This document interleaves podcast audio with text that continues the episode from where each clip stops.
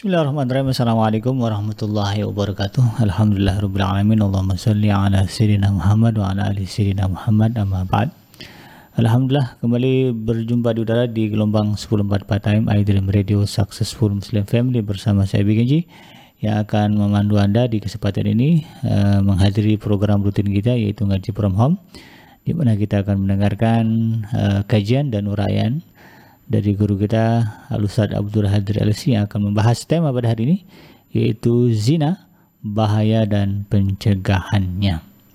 Uh, saya ucapkan uh, jazakumullah kepada sahabat Adrim sekalian yang sudah menantikan program ini. Mudah-mudahan jadi amal saleh dan sebagai informasi bagi Anda bahwa acara ini terselenggara atas kerjasama antara iDream Radio uh, dan iDream TV beserta dengan Qazwa, platform pembiayaan syariah online dan juga Biro Umroh dan Haji Khusus uh, Patra yang sudah berdiri sejak tahun 1995. Persiapkan diri Anda untuk mendengarkan berbagai uraian dari guru kita Ustaz Abdul Hadrasi uh, tentang tema pada hari ini dan jika nanti ada persoalan dan atau pertanyaan yang kita sampaikan silakan sampaikan pertanyaan Anda bisa melalui nomor WhatsApp di 0822 988 1044 atau bagi Anda yang menyaksikan kita melalui channel YouTube, silakan bisa langsung bertanya dengan menulis pertanyaan di kolom komentar. Tidak berlama-lama kita akan langsung menuju kepada guru kita Al-Ustaz Abdul Elsi yang akan membahas tema pada hari ini yaitu tentang zina, bahaya dan pencegahannya. Kepada beliau saya persilakan. Assalamualaikum warahmatullahi wabarakatuh. Waalaikumsalam. Bismillahirrahmanirrahim. Alhamdulillahi rabbil alamin wassalatu wassalamu ala sayyidina Muhammadin wa ala alihi wa ashabihi ajma'in amma ba'd. Sahabat Adrim yang dimuliakan Allah Subhanahu wa taala, alhamdulillah kita berjumpa kembali dalam program ngaji from home. Semoga apa yang kita lakukan, kita dengarkan, kita saksikan menjadi catatan amal soleh di sisi Allah Subhanahu wa taala. Uh, kali ini kita akan membahas satu tema yang tentu saja Eh, menjadi tema yang sepanjang masa ya setiap saat hendaknya menjadi peringatan bagi kita. Ya satu perbuatan yang sangat tercela yang sangat Allah kecam yang sangat juga dikecam oleh Rasulullah Shallallahu Alaihi Wasallam. Bahkan ya uh, umat manusia pada umumnya selagi fitrahnya bersih ya maka dia tidak akan menerima perbuatan ini. Baik buat dirinya apalagi atau juga buat orang lain yaitu perbuatan zina ya maka uh, tema kita kali ini adalah uh, memahami kembali menyegarkan kembali uh, pemahaman kita sebagai bahan peringatan buat kita keluarga kita masyarakat kita dari bahaya zina ya, dan juga akan kita bicarakan sedikit banyak tentang pencegahannya dan beberapa ya syubhat yang sering dilontarkan terkait dengan masalah perzinahan ini. Baik, uh, sahabat Adrim yang dimuliakan Allah Subhanahu wa taala, kita mulai pembahasan ini seperti biasa dengan definisi ya, definisi zina. Ya ini sangat penting ya meskipun sesungguhnya dari segi makna secara umum umumnya masyarakat tahu kalau dibilang zina itu apa. Ya, tapi kita bisa uh, pahami lebih dalam lagi dari uh, beberapa sumber terkait dengan definisi definisi zina ini.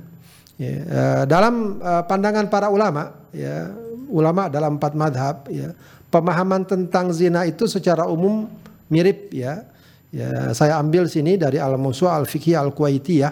Uh, dan saya pilih salah satu pandangan dari ulama dari kalangan madhab syafi'i. Ya, mereka mengatakan bahwa yang namanya zina adalah ilaju hasyafa au qadriha fi farjin muharram li ainihi mustaha tab'an bila bila syubhah. Masuknya ujung kemaluan laki-laki meskipun sebagiannya ke dalam kemaluan wanita yang haram dalam keadaan syahwat yang dialami tanpa syubhat. Ya, jadi uh, ya boleh kita katakan hubungan intim begitu ya antara laki dan perempuan begitu ya yang haram. Ya, berarti di sini akan dikecualikan yang halal. Kalau halal boleh. Ya, dan tentu saja jalan untuk mendapatkan kehalalan ini tak lain adalah pernikahan. Ya, dalam keadaan syahwat ya, yang juga tidak ada syubhat di dalamnya. Ya mungkin apakah salah atau apa begitu ya uh, syubhat. Ya. Yang jelas perbuatan zina adalah perbuatan yang dilakukan dengan sadar antara seorang laki dan wanita yaitu berupa hubungan intim, hubungan seksual dan itu tidak melalui jalur pernikahan. Begitu ya.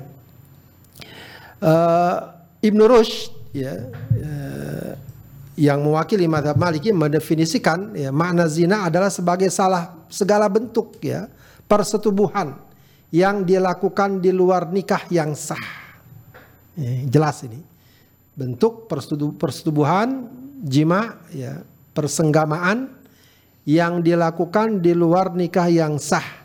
Bukan nikah syubhat ya bukan karena ada faktor syubhat tertentu ya salah kira atau salah paham ya atau juga bukan pada budak yang dimiliki. Ini memang pada masa lalu ketika ada perbudakan maka seorang tuan dapat menggauli e, budak wanitanya walau tanpa pernikahan. Tapi tentu saja dengan tidak adanya perbudakan pada masa sekarang maka e, hubungan seksual ya, hubungan intim seorang laki dan wanita yang dibenarkan hanyalah lewat jalur pernikahan dalam KBBI sendiri, ya Kamus Besar Bahasa Indonesia yang uh, sering menjadikan acuan dari berbagai macam de definisi yang dikenal dalam bahasa kita, ya zina itu uh, ada dua uh, pemahaman yang dicantumkan di sana.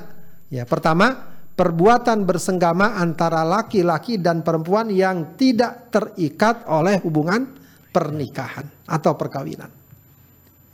Yang kedua, perbuatan bersenggama seorang laki-laki yang terikat perkawinan dengan seorang perempuan yang bukan istrinya. Ya, kalau tadi uh, mungkin sama-sama belum menikah, ya laki bujangan dan perempuan gadis, gitu. Atau belum menikah ya, bukan cuma gadis, begitu ya, baik gadis ataupun apa namanya janda, begitu ya. Nah kalau yang ini laki-lakinya sudah menikah atau perempuannya sudah menikah, cuma ya dia melakukan perbuatan itu dengan wanita lain yang tidak terikat dengan uh, perkawinan ya atau yang bukan istrinya atau bukan suaminya atau seorang perempuan yang terikat perkawinan dengan seorang laki-laki yang bukan suaminya. Jadi sebenarnya uh, definisi zina ini sangat jelas ya dan umumnya masyarakat tahu ya apa namanya uh, perzinahan itu seperti itu masalahnya. Cuma memang seiring dengan perkembangan zaman sekarang ini sudah mulai banyak orang-orang yang ingin uh, mengaburkan makna zina atau apa namanya ya membagi-bagi permasalahan zina ya. Uh, kalau suka sama suka kalau senang sama senang itu bukan zina. Yang namanya zina adalah kalau dipaksa ya atau kalau dikomersilkan dan semacamnya ya. Padahal Eh, dengan definisi yang sangat lugas dan jelas ini menunjukkan bahwa zina adalah ya hubungan seksual, hubungan intim antara laki dan perempuan di luar pernikahan. Mau dipaksa, mau suka mau sama suka, mau tertutup atau terbuka, mau komersil atau tidak komersil, zina tetaplah zi, zina tetaplah zina. Ini yang hendaknya uh, dapat kita pahami dengan jelas ya karena dengan pemahaman ini maka berikutnya penjelasannya akan lebih terarah dan lebih dan lebih fokus. Baik, uh, dalam Islam sekali lagi sudah kita katakan tadi ya uh, terkait dengan hubungan seksual, hubungan intim sudah Allah jelaskan. Ya, dasarnya, landasannya, ruang lingkupnya. Dalam surat Al-Mu'minun ayat 5 dan 6, ayat 7 juga termasuk Allah berfirman walladzina hum li furujihim ya. Terkait dengan karakteristik orang beriman siapa? Adalah orang yang menjaga kemaluannya. Illa ala azwajihim. Kecuali terhadap pasangannya, kecuali kalau wanita terhadap suaminya, kalau laki-laki terhadap istrinya. Auma malakat aimanuhum ya atau terhadap budak mereka. Ya, ini memang sekali lagi uh, berlaku ketentuan bahwa seorang tuan dapat menggauli budak perempuannya tanpa pernikahan. Ya, tapi sekali lagi kita katakan uh, perbudakan pada zaman sekarang tidak ada berarti apa? Pada zaman sekarang ini yang tersisa ya, dari jalur dan uh, jalan untuk melaksanakan ya, melakukan hubungan intim dengan halal dengan boleh hanyalah lewat jalur pernikahan ya. Fa innahum ghairu malumin. Eh, kalau mereka lakukan itu nggak masalah kalau terhadap istri atau terhadap budaknya. Maka Allah katakan famani betagha wara siapa yang melakukan selain dari itu faula ikahumul adun. Maka mereka telah melampaui batas. Ya, mereka telah keluar dari jalur yang telah Allah benarkan, Allah berikan, Allah halal, Allah halalkan. Artinya mereka melakukan perbuatan yang haram, perbuatan yang sangat tercela, yang sangat tercela. Yang Allah katakan ya dalam Al-Qur'an wala taqrabuz zina innahu kana fahisyatan wa sabila. Janganlah kalian dekati perbuatan zina. Kenapa? Kata Allah, innahu kana fahisyah. Zina itu fahisyah. Ya, perbuatan keji, wasa asabila dan jalan yang jalan yang buruk. Ya. Kita lihat beberapa tafsir Ibnu Katsir mengatakan yaqulu ta'ala nahyan ibadahu aniz zina.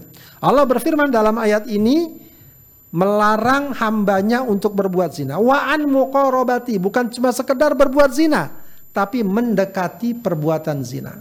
Atau dengan kata lain, melakukan dan melaksanakan sebab-sebab yang dapat mengantarkan seseorang pada perbuatan zina. Wa huwa mukhalatatu asbabihi wa dawa'ihi. Ya, melakukan sebab-sebabnya dan perkara-perkara yang dapat mengundang perbuatan zina.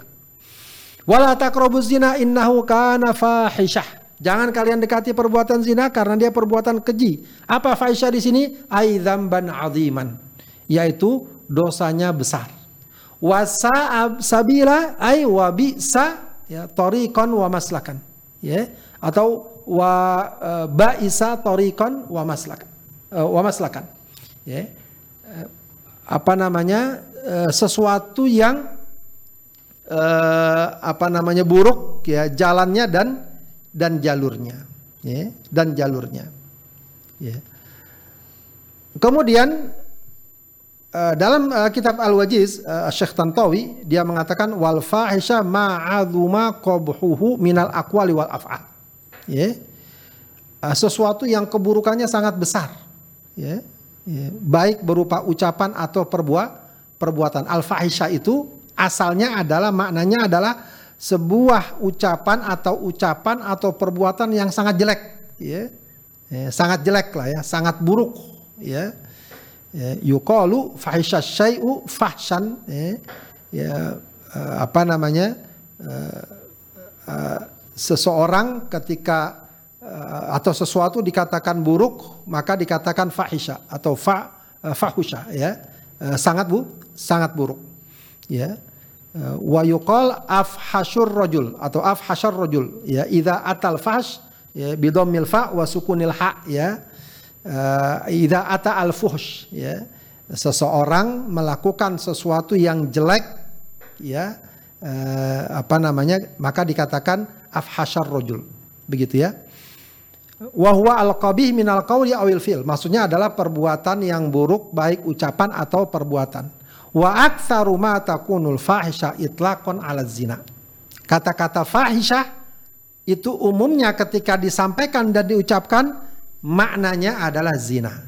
Ya, jadi e, makna fahisyah kalau disebutkan baik dalam Al-Qur'an, dalam hadis atau dalam literatur yang ada umumnya umumnya meskipun sebenarnya maknanya umum juga berupa perbuatan dan ucapan tentang sesuatu yang buruk. Ya, tapi secara apa namanya? apa namanya secara umum atau kebiasaannya uh, makna fahisha itu artinya adalah zina. Begitu ya. Dalam tafsir As-Sa'di ya, muallif mengatakan wa wasafallahu zina wa kubhahu bi annahu kana fahisha.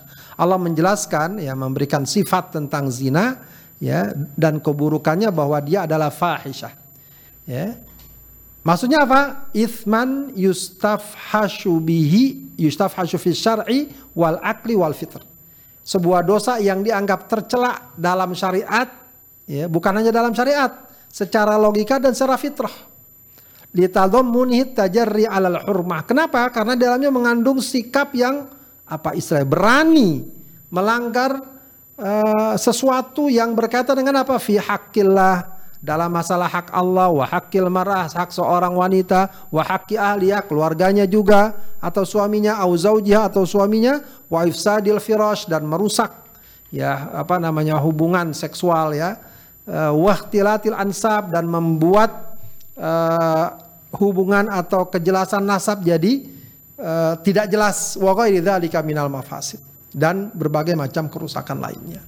Jadi yang namanya fahisha adalah sesuatu yang sangat buruk ya. Bukan hanya secara syariat. Akal dan fitrah siapa orang yang kalau fitrahnya benar, akalnya benar menerima perbuatan zina. Ya, istrinya dizinai orang, anak perempuannya dizinai orang, atau suaminya berzina, anak laki-lakinya berzina, segala macam. Tidak ada orang yang menerima hal itu secara normal.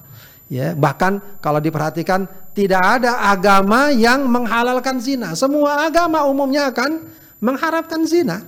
Ya, karena memang perkara yang sudah tampak fahishahnya.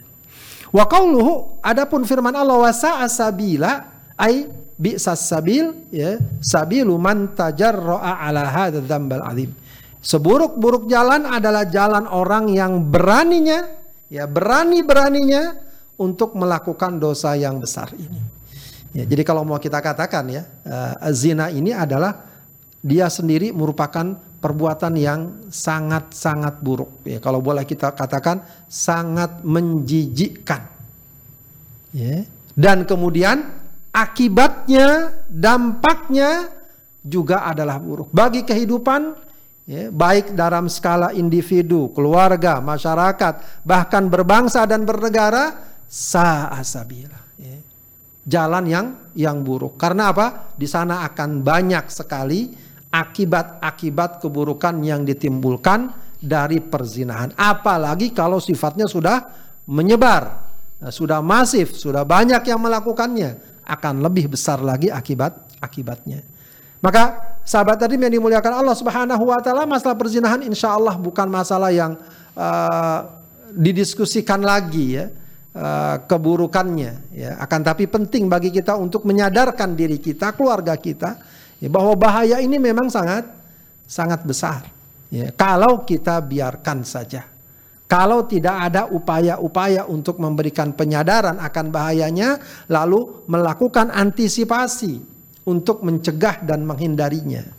Begitu ya. Kalau soal keburukan, ya, kalaulah setiap orang memakai fitrah dan kesadarannya, ya tidak ada orang seorang pun yang membantah, yang mengingkari buruknya perzina perzinahan. Apalagi kalau sudah disertakan ayat-ayat Allah, hadis-hadis Rasulullah Sallallahu Alaihi Wasallam, ya itu sudah lebih dari cukup bagi kita untuk mengatakan no kepada perzinahan, tidak kepada perzina perzinahan. Baik, sahabat hadirin yang dimuliakan Allah, kalau kita perhatikan lebih dalam lagi tentang bahaya perzinahan, ya tidak terhitung, tidak terhingga, ya akibat keburukan yang dilahirkan dari perbuatan zina. Yang paling pertama dan utama tentu saja perbuatan zina mengundang murka Allah dan Rasulnya. Allah murka, Rasulullah tidak ridho dari perbuatan yang dilakukan seseorang berupa zina. Itu saja sudah cukup sebenarnya bagi kita untuk meninggalkan perbuatan tersebut. Katakanlah itu perbuatan yang mungkin sepintas bagus, menguntungkan, ya menjanjikan kebaikan, kesenangan, tapi ketika kita tahu bahwa Allah tidak ridha, Rasulullah tidak ridha, itu sudah cukup bagi kita, bahkan lebih dari cukup bagi seorang muslim untuk meninggalkan sejauh-jauhnya. Ya. Apalagi tentu kita akan meyakini sesuatu yang ditinggalkan atau yang dilarang, yang tidak diridhoi oleh Allah, tidak diridhoi oleh Rasulnya, mestilah di dalamnya pasti mendapatkan atau terdapat berbagai macam keburu keburukan. Begitu ya. Ada hadis yang cukup penting bagi kita untuk mengingatkan diri kita. Rasulullah bersabda, "Min asyratis sa'ah an yurfa'al ilmu wa yathbutal jahlu wa yushrabal khamru wa yadharuz zina." Di antara tanda-tanda di kiamat apa? Ilmu diangkat. Ya, dalam riwayat yang lain ilmu diangkat dengan cara apa? Dimatikannya para ulama. Ya, wa yathbutal jahlu, kemudian akibatnya kebodohan merajalela. Banyak orang nggak ngerti agama. Wa yushrabal khamru. Lalu orang-orang juga banyak ya minum khamr. Khamr menyebar di mana-mana. Wa yadharuz zina. Dan kemudian muncul nampak perzina, perzinahan. Dalam hadis riwayat Hakim, ya tadi hadis riwayat Bukhari dan Muslim, Rasulullah bersabda, "Idza dhaharuz zina war riba fi qaryah." Jika di sebuah negeri, sebuah perkampungan, ya zina dan riba muncul, nampak atau bahasa sekarang menjadi sebuah fenomena faqad ahallu bi anfusihim adzaballah. Ya, mereka pada hakikatnya sedang mengundang ya sedang menyediakan ya apa namanya? Lahan untuk turunnya azab al azab Allah. Ya. Zina mengundang kemurkaan Allah dan Rasulnya.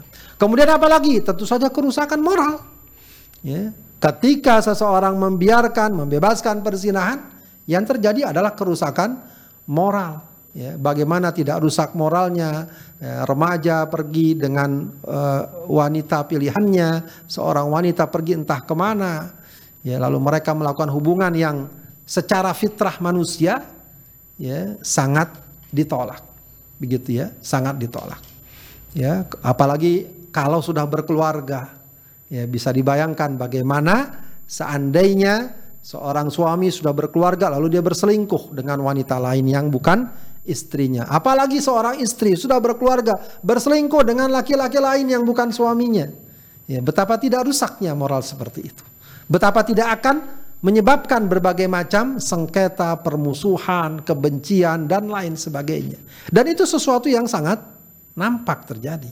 Ya, kerusakan-kerusakan yang terjadi di tengah masyarakat ya, salah satunya adalah akibat dari perzina, perzinahan.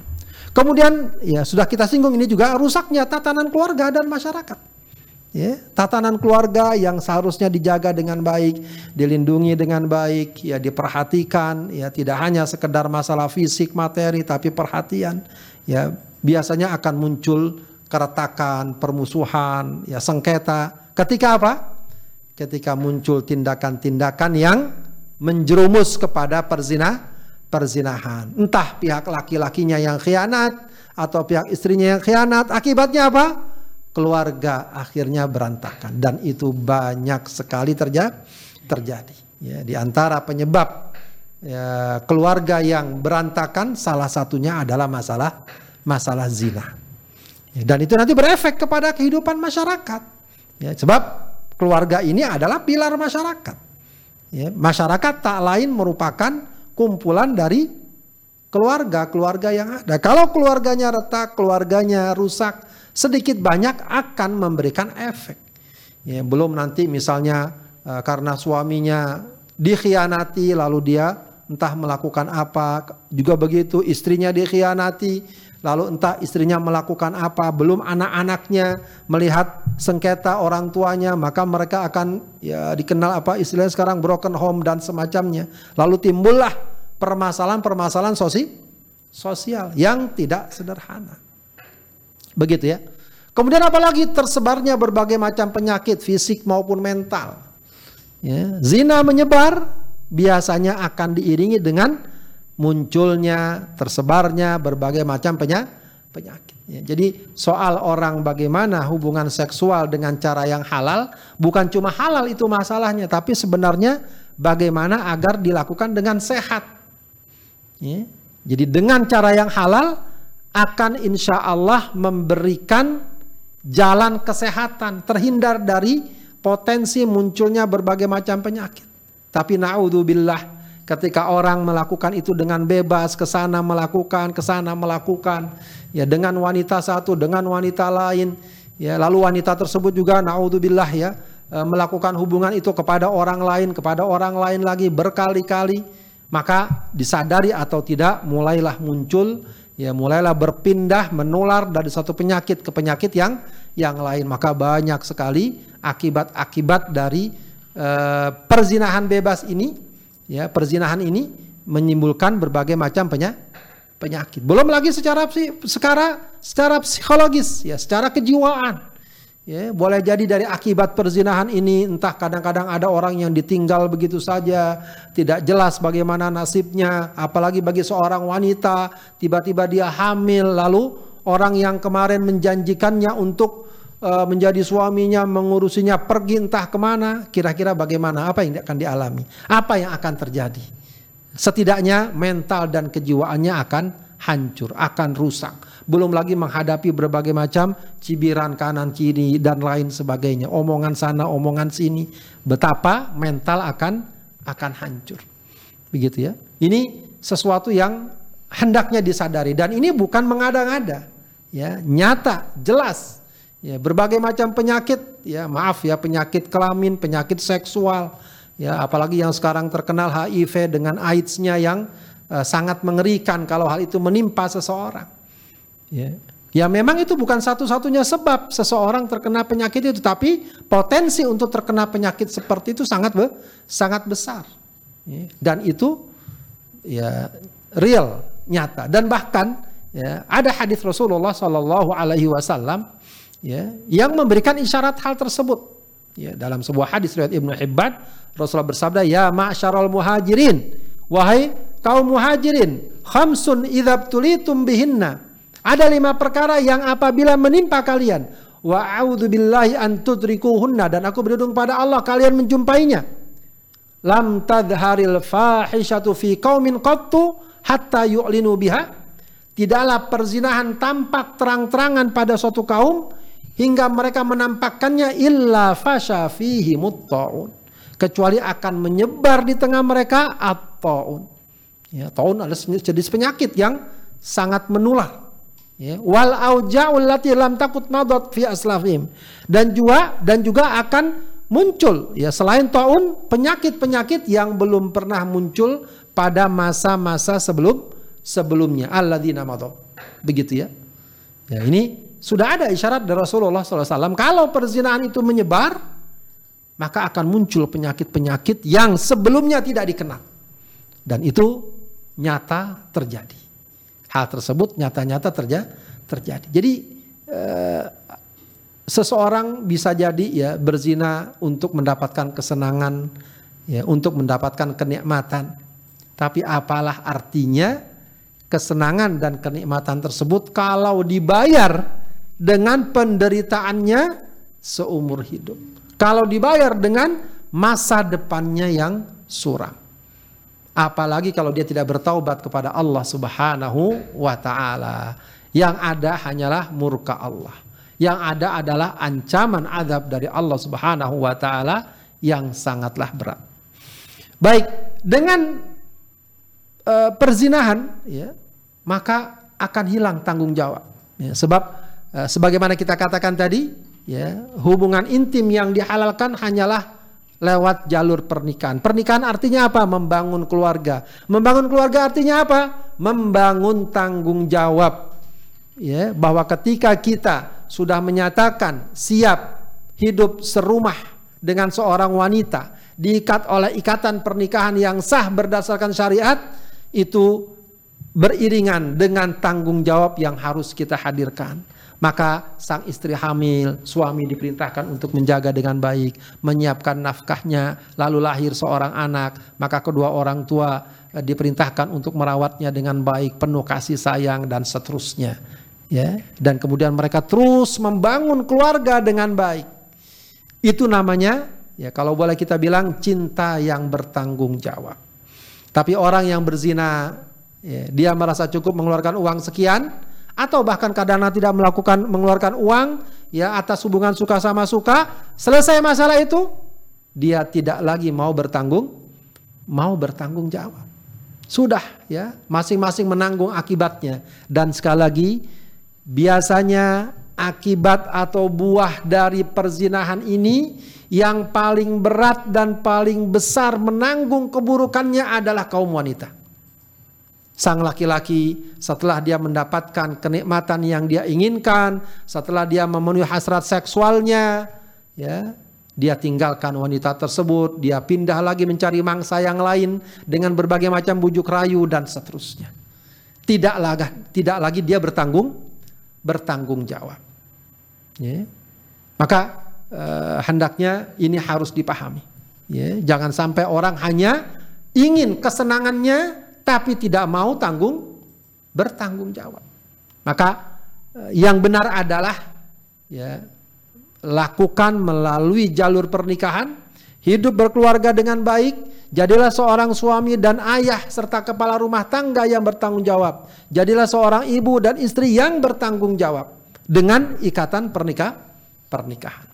Kemudian bahaya zina yang lain juga apa? Ya ancaman bagi keturunan keturunan dan generasi masa depan. Ya. Bagaimana itu terjadi? Ya, ini nyata juga terjadi sekarang pada berbagai negara yang dikatakan sebagai negara maju. Seiring dengan kemajuan negara tersebut, budaya kehidupannya sudah sedikit mulai berubah. Mereka sudah tidak peduli lagi dengan lembaga perkawinan, pernikahan, hidup dalam ikatan keluarga yang sah, yang terjaga, ya, uh, secara undang-undang, terjaga secara moral, moral dan berbagai macam aturan ajaran agama. Mereka nggak mau itu sudah, maunya bebas Maunya kalaupun mereka ingin menyalurkan hasrat seksualnya, tinggal dilakukan di berbagai tempat, apalagi dengan uang, dengan apa dan lain sebagainya. Akhirnya apa? Kehidupan keluarga tidak lagi dihormati. Kemudian orang akibatnya tidak suka punya anak, tidak suka punya keturunan. Karena itu akan apa? Akan memberatkan mereka, akan merepotkan mereka. Ya toh kalaupun mereka ingin menyalurkan hasrat seksualnya, bisa dilakukan dengan cara perzinahan. Akibatnya apa? Akibatnya populasi ya uh, pertumbuhan penduduk menjadi sangat rendah. Bahkan di beberapa negara dikatakan mengalami minus. Ya, sehingga pemerintah menganjurkan untuk punya anak, punya anak dan punya anak. Bagaimana orang yang tidak diikat dengan ikatan pernikahan mau punya anak? Kalaupun ada mungkin sedikit. Ya, mereka mau punya anak kalau memang ada ikatan pernikahan. Maka perzinahan ini sebenarnya adalah ancaman bagi keturunan generasi masa depan. Ya, perhatikan negara-negara maju itu, ya, negara-negara yang menerapkan seks bebas, ya, umumnya akan beriringan dengan situasi seperti itu. Ya, mereka kesulitan mendapatkan ya, generasi muda. Kalaupun ada tidak banyak, tidak cukup untuk kebutuhan mereka. Makanya mereka membutuhkan para pendatang, para imigran dan lain sebagainya untuk mengisi pos-pos yang tidak dapat dipenuhi dengan uh, penduduk mereka. Penduduk mereka.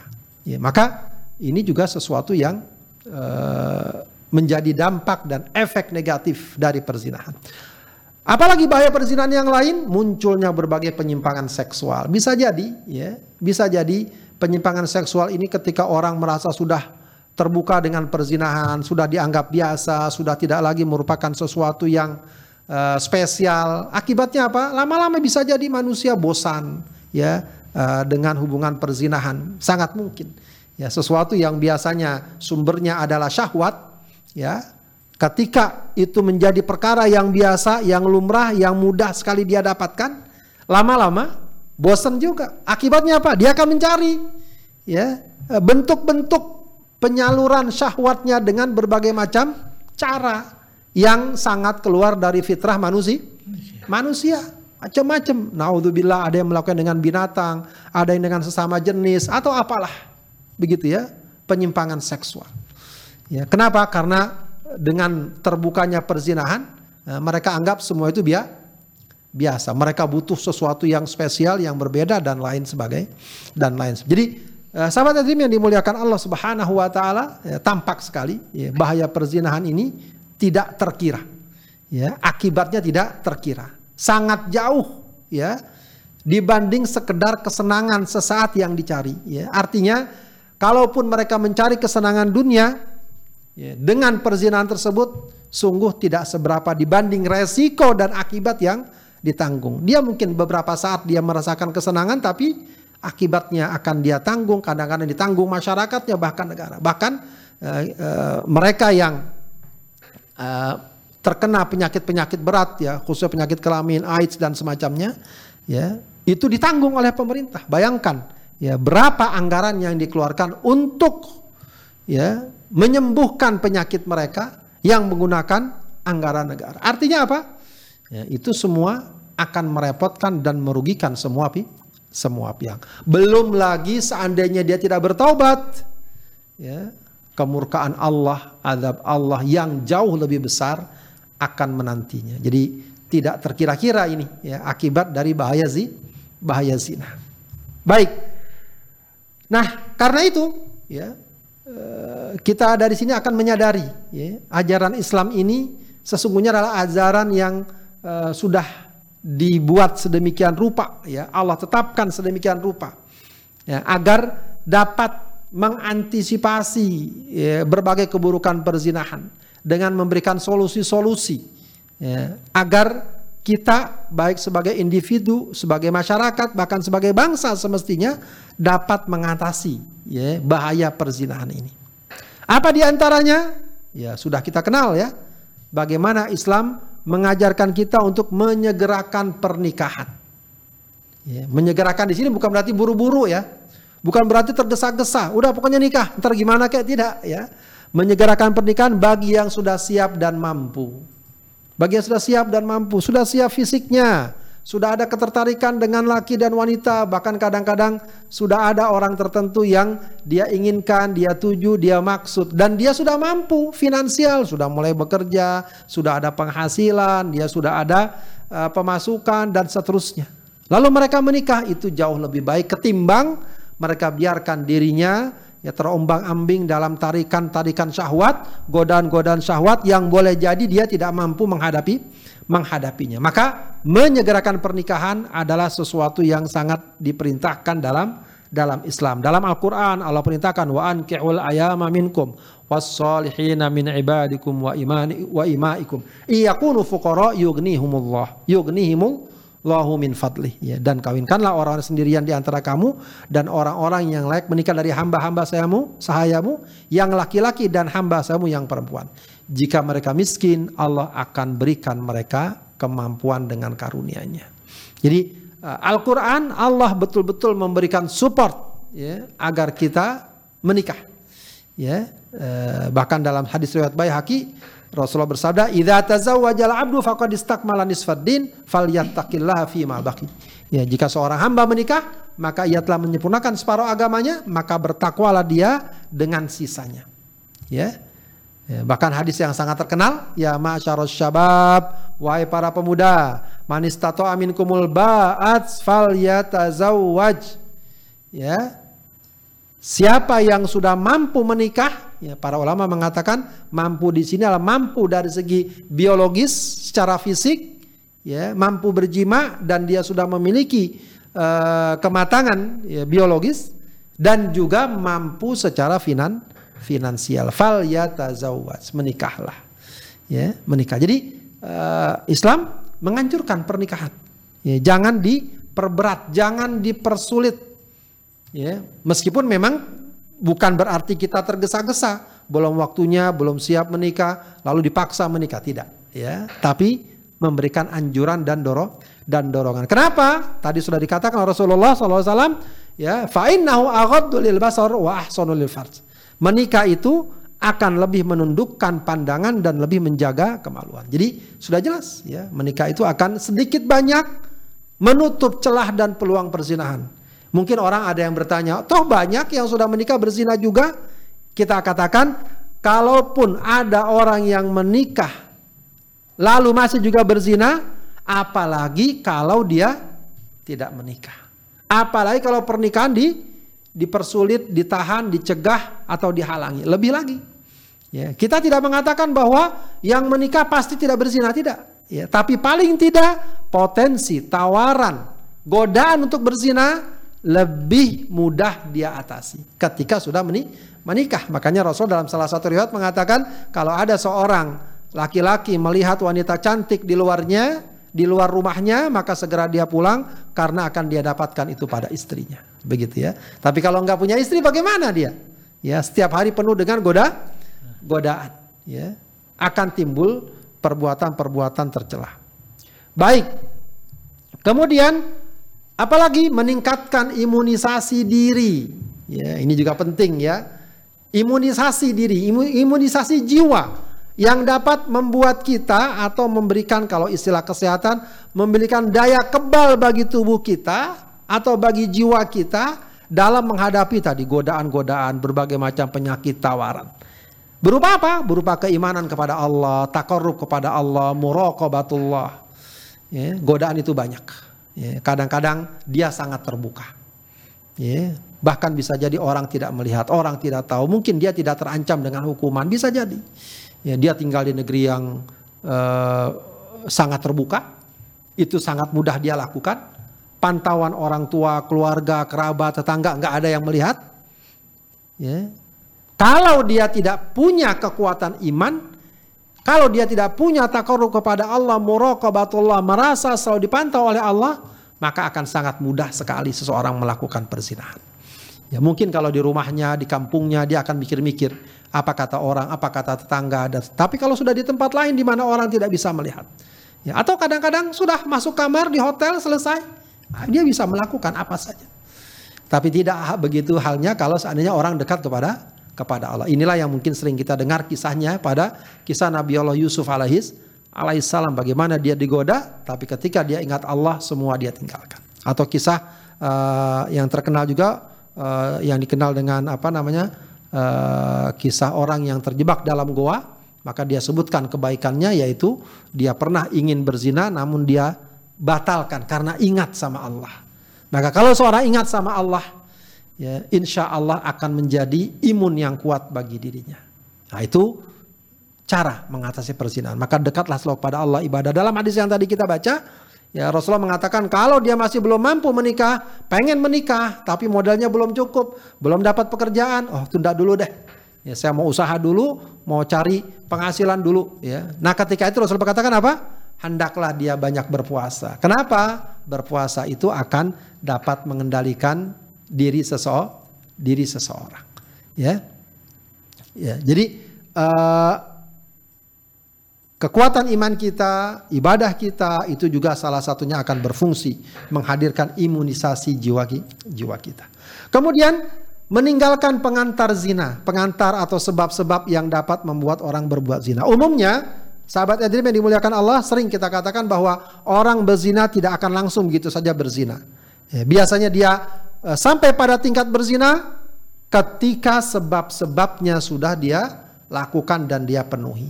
Ya, ini uh, sesuatu yang sangat uh, tampak sekali terjadi. Ya, tidak mungkin tiba-tiba orang berzina begitu saja. Uh, sebab-sebabnya mungkin saling memandang, saling berpegangan, berduaan, akhirnya terjadilah perzina, perzinahan. Ini yang Rasulullah katakan ya dalam sebuah hadisnya ya uh, bahwa uh, mulut, tangan, mata itu bisa berzina.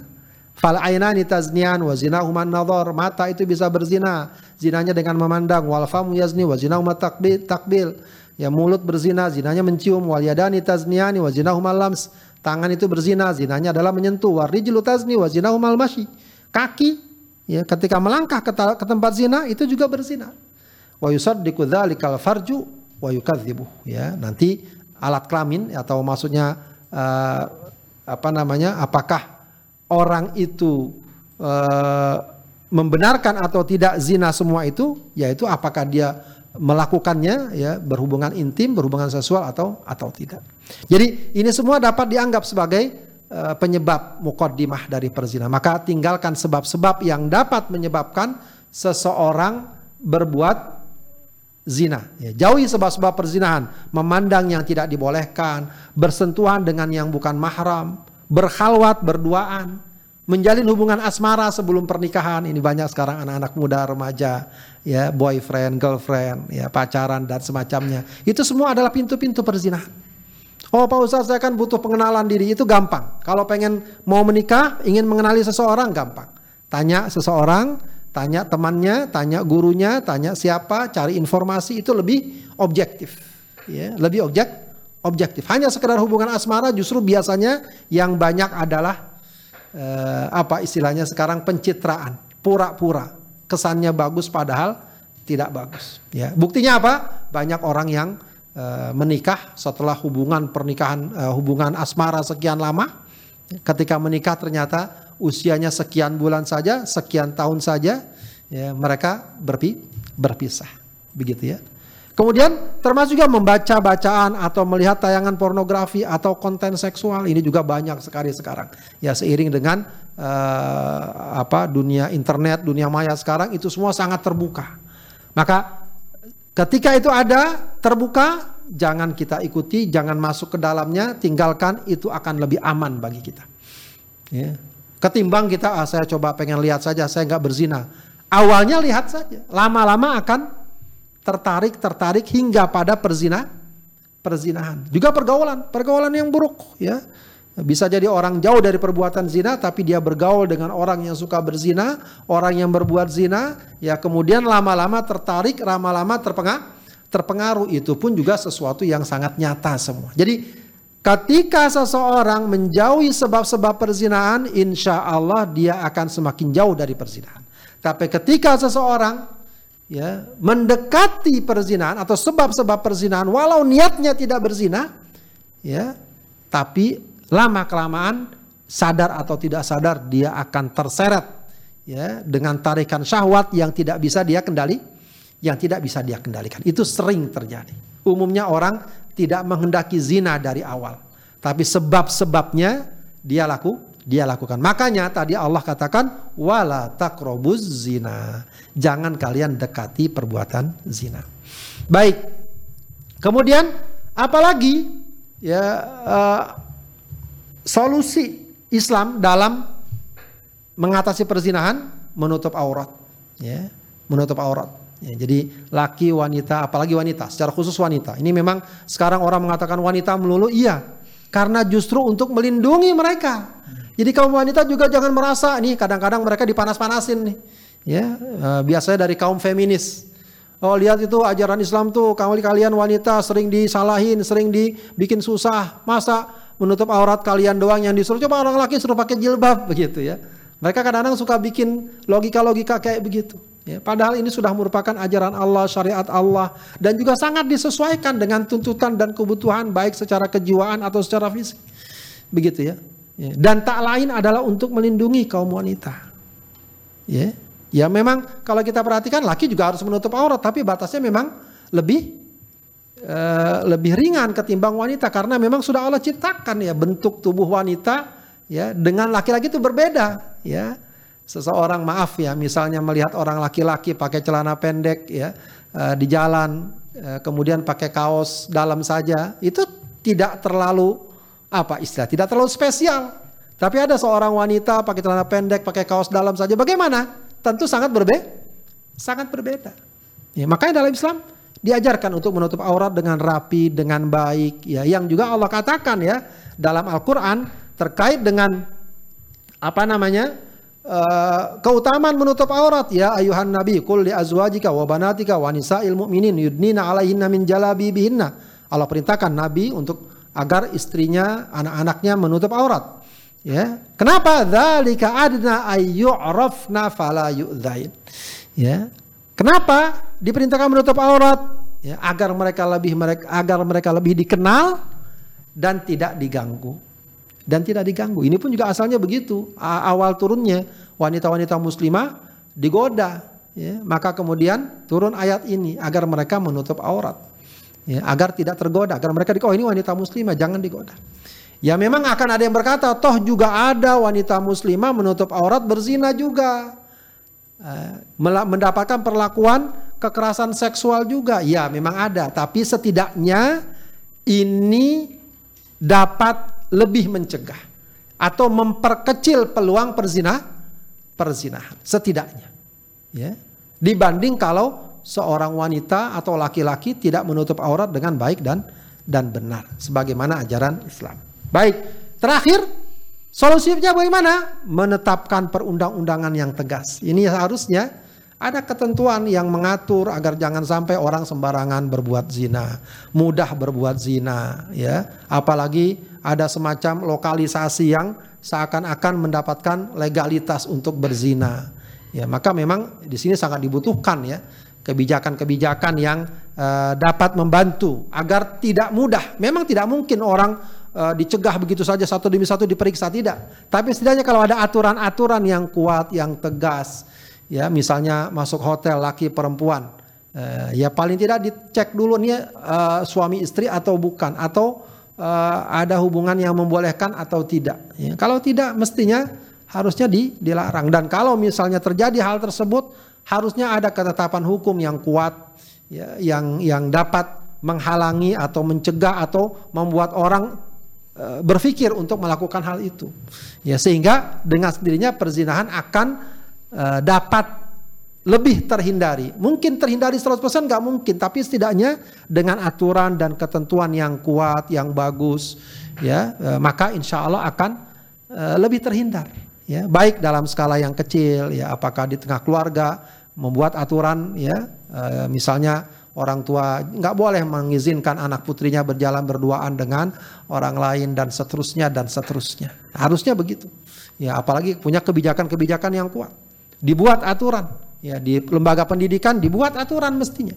Agar tidak boleh seseorang berbuat zina semau semaunya atau merasa bebas melakukan perbuatan zina. Misalnya rumah-rumah kos-kosan ya. Campur laki perempuan itu kan sangat uh, rentan terjadi perbuatan zina. Mestinya dipisah dipisahkan. Begitu seterusnya ketentuan-ketentuannya.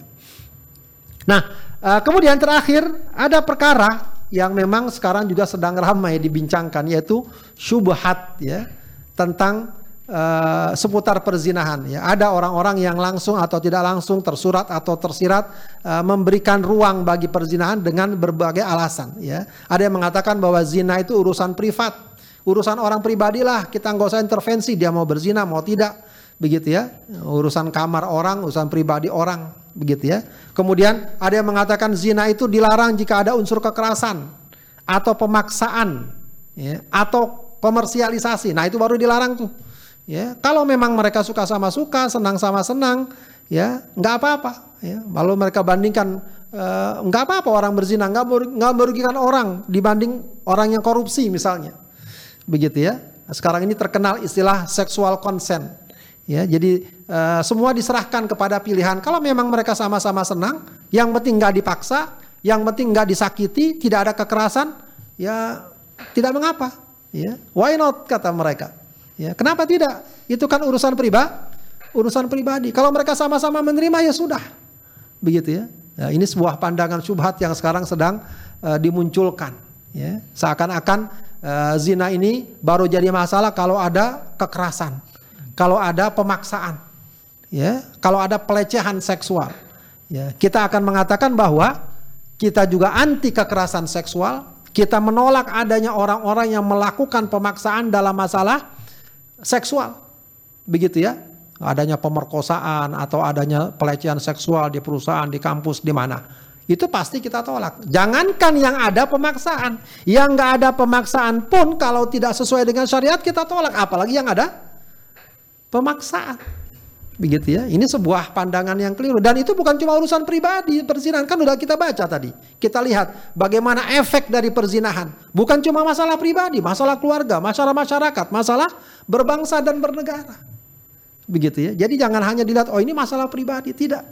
Begitu ya. Dan lagi pula ya, kalau kita perhatikan, kalaupun yang sekarang ini sedang ditekankan, yang kami tolak adalah kekerasan seksual. Nggak boleh ada orang yang dipaksa, diperkosa, dan lain sebagainya. Itu harus dihukum. Kita sepakat. Orang yang melakukan perkosaan dihukum seberat-beratnya. Bahkan kalau kita menuntut dihukum mati, tidak mengapa. Ya, sebagaimana hukum Islam terhadap pezina itu sangat keras. Ya. Jadi kalau yang sifatnya suka sama suka saja bisa dihukum sangat keras, apalagi yang memaksa. Ya, kita nggak akan menolak Ya, bahkan kita sangat setuju kalau ada orang yang melakukan perkosaan dihukum seberat-beratnya agar menjadi jerah bagi yang lain.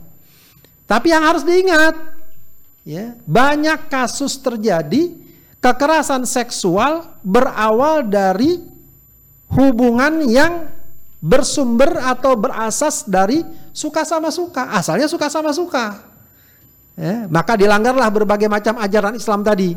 Berduaan, jalan ke sana kemari, Lalu terjadilah hubungan seksual. Begitu, ya. Terjadi perzinahan. Ya, itu masih bagi sebagian orang masih dianggap wajar. Kenapa? Suka sama suka. Tapi yang tidak jarang terjadi kemudian terjadi cekcok, ya perempuannya menuntut tanggung jawab, laki-laki tidak bertanggung jawab, laki-lakinya malu, khawatir nanti takut apa namanya uh, takut ketahuan, maka terjadilah kekerasan, terjadilah uh, tindak pidana, ada yang sampai dibunuh dan seterus dan seterusnya. Atau asalnya uh, seorang wanita ya, senang dengan laki-laki, ya maka diajak main ke hotel atau ke mana begitu ya tempat sepi, ya lalu diajak hubungan seksual. Mungkin wanitanya menolak karena menolak laki-laki memaksa. Memang betul itu pemaksaan seksual, tapi awalnya adalah suka sama suka. Ini juga harus dipahami. Dan faktanya lagi, negara-negara yang menerapkan seks bebas atau menganggap masalah seksual masalah pribadi, silakan saja. Itu juga ternyata tingkat kekerasan seksualnya tinggi juga. Ya, perkosaan di negara-negara tertentu yang dianggap sebagai negara majulah kiblat dari kebebasan tinggi juga tingkat perkosaan atau kekerasan seksual. Artinya apa? Itu tidak menghilangkan kekerasan seksual. Ya, maka kita mengatakan kekerasan seksual kita tolak, tapi juga perzinahan yang dibangun atas dasar suka sama suka tetap kita to tetap kita tolak ya karena itu menjadi permasalahan dasar dalam ajaran Islam. Jadi kalau soal hukum Islam, syariat Islam itu tidak membedakan ini masalah privat, ini masalah publik. Ya, masalah privat sekalipun, misalnya orang makan, saya makan babi, urusan saya pribadi tidak. Dalam Islam tetap dia diharamkan, walau dia makan sendiri di rumah tidak ngajak orang, tetap haram. Ada orang transaksi jual beli, prakteknya riba. Penjual ridho, pembeli ridho, sama-sama ridho. Apakah jadi halal? Tidak, tetap haram. Ya, karena walaupun ini masalah privat, ya, tetap ketentuan syariah berlaku. berlaku. Berzina juga begitu. Sudah tadi kita jelaskan definisinya.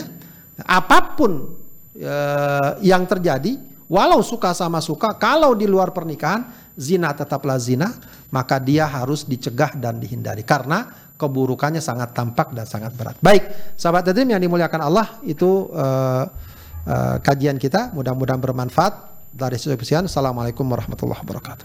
Waalaikumsalam warahmatullahi wabarakatuh. Kita ucapkan uh, jazakumullah kepada guru kita Ustaz Abdul Haidar Elsi yang telah uh, membahas tema pada kesempatan ini tentang uh, zina, uh, bahaya dan pencegahannya.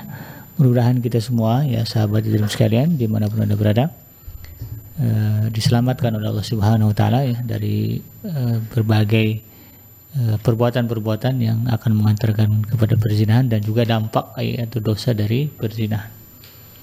Dan sebagai pesan ya uh, bagi kita semuanya lah. Saya ingat lagunya uh, vokalis Zamrud ya, Senandung Raja Singa. Ya.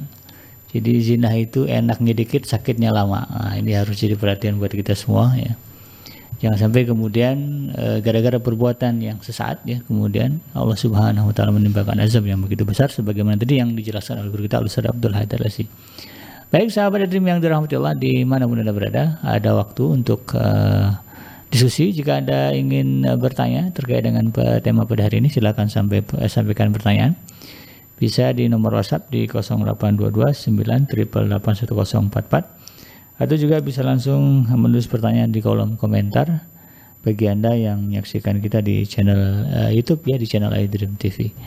Baik Ustaz, uh, sambil menunggu uh, kemungkinan ini adanya pertanyaan dari jamaah nih Ustaz. Uh, kita saya ingin bertanya kepada Ustaz terkait dengan uh, ini Ustaz. Untuk anak-anak muda zaman sekarang ini uh, ada yang apa namanya melampiaskan sahwatnya dengan apa yang disebut dengan onani ya, atau masturbasi ini Ustaz. Di dalam Islam sendiri pembahasannya gimana? Dia dia ya dengan alasan ya daripada zina misalnya kan. Ya. Kemudian mereka melakukan onani atau masturbasi. Dalam Islam ada nggak Ustaz pembahasan tentang ini? Haram tidaknya, ha, boleh atau tidak atau ada ketentuan tersendiri? Baik.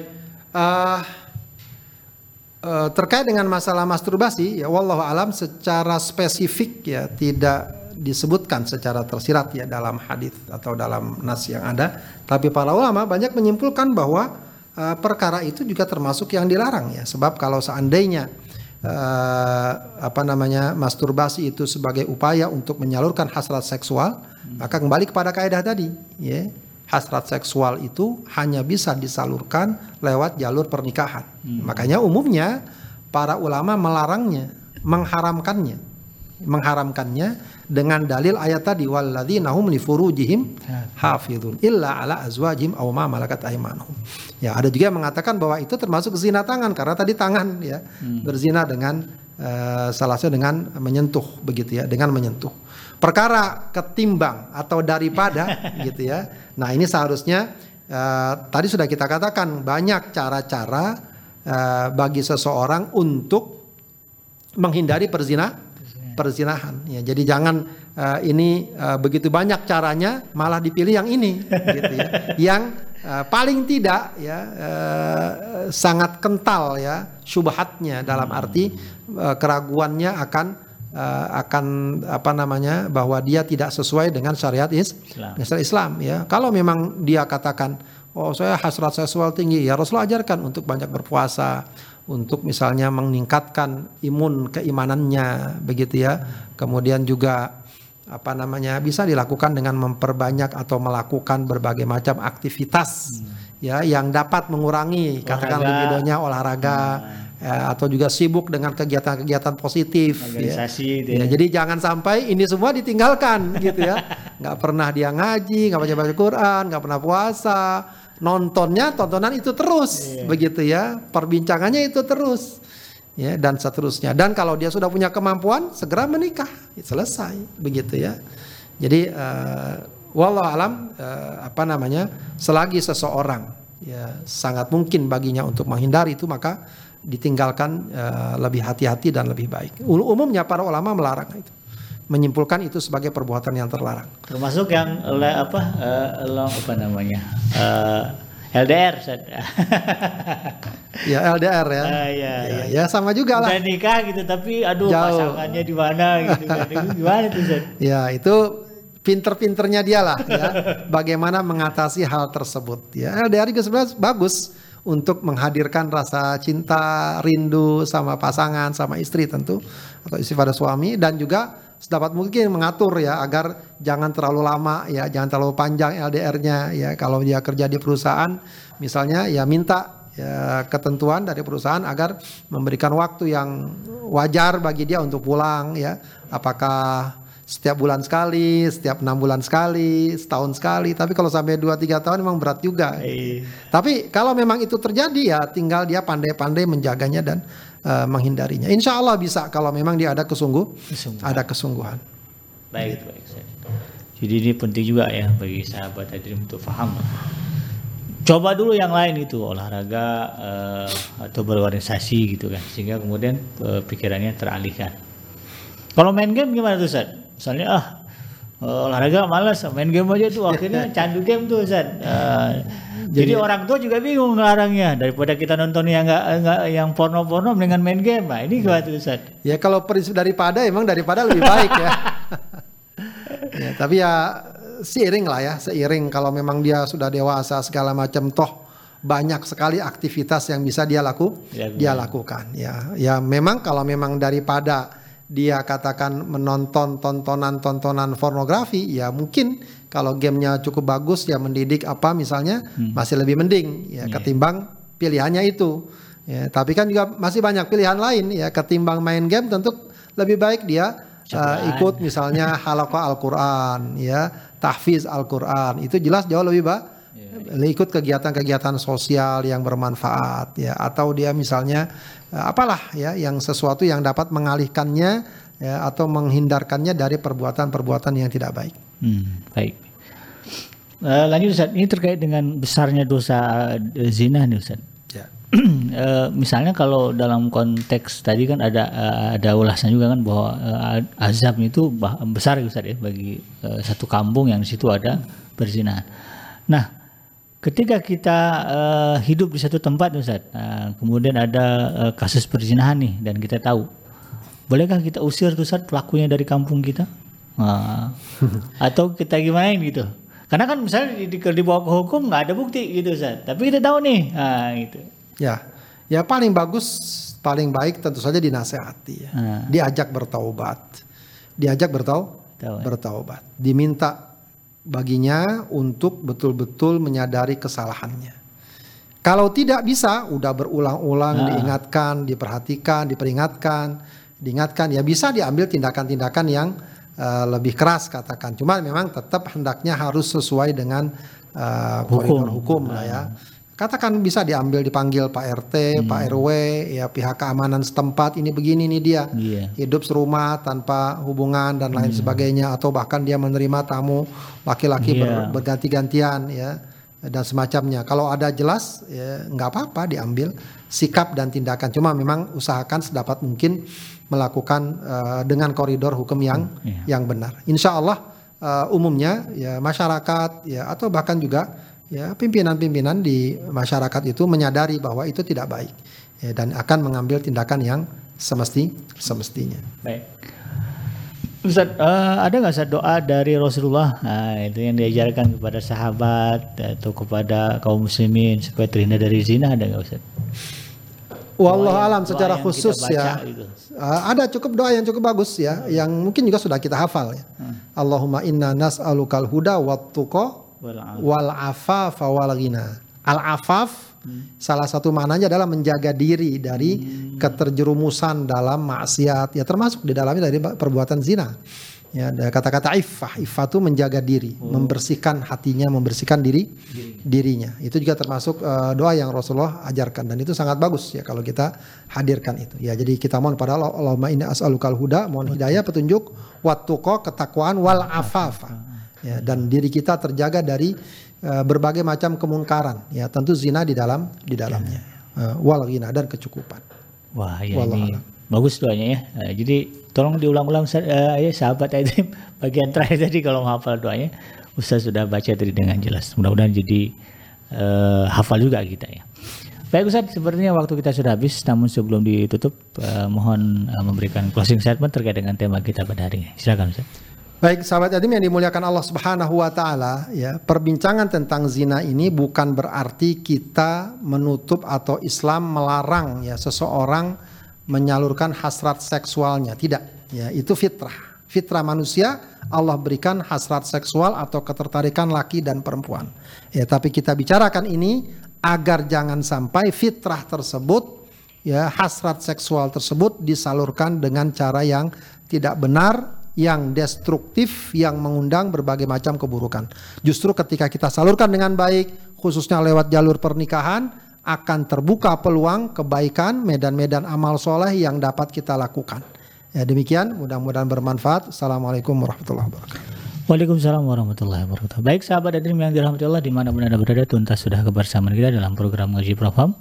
Mudah-mudahan apa yang disampaikan oleh guru kita Alusada Abdul Hadir Lesi eh, menjadi ilmu bagi kita semuanya. Saya bikin beserta aku yang bertugas sampai undur dari ruang negara Anda. Mohon maaf atas segala khilafan dan kekurangan. Subhanaka Allahumma rabbana wa bihamdika.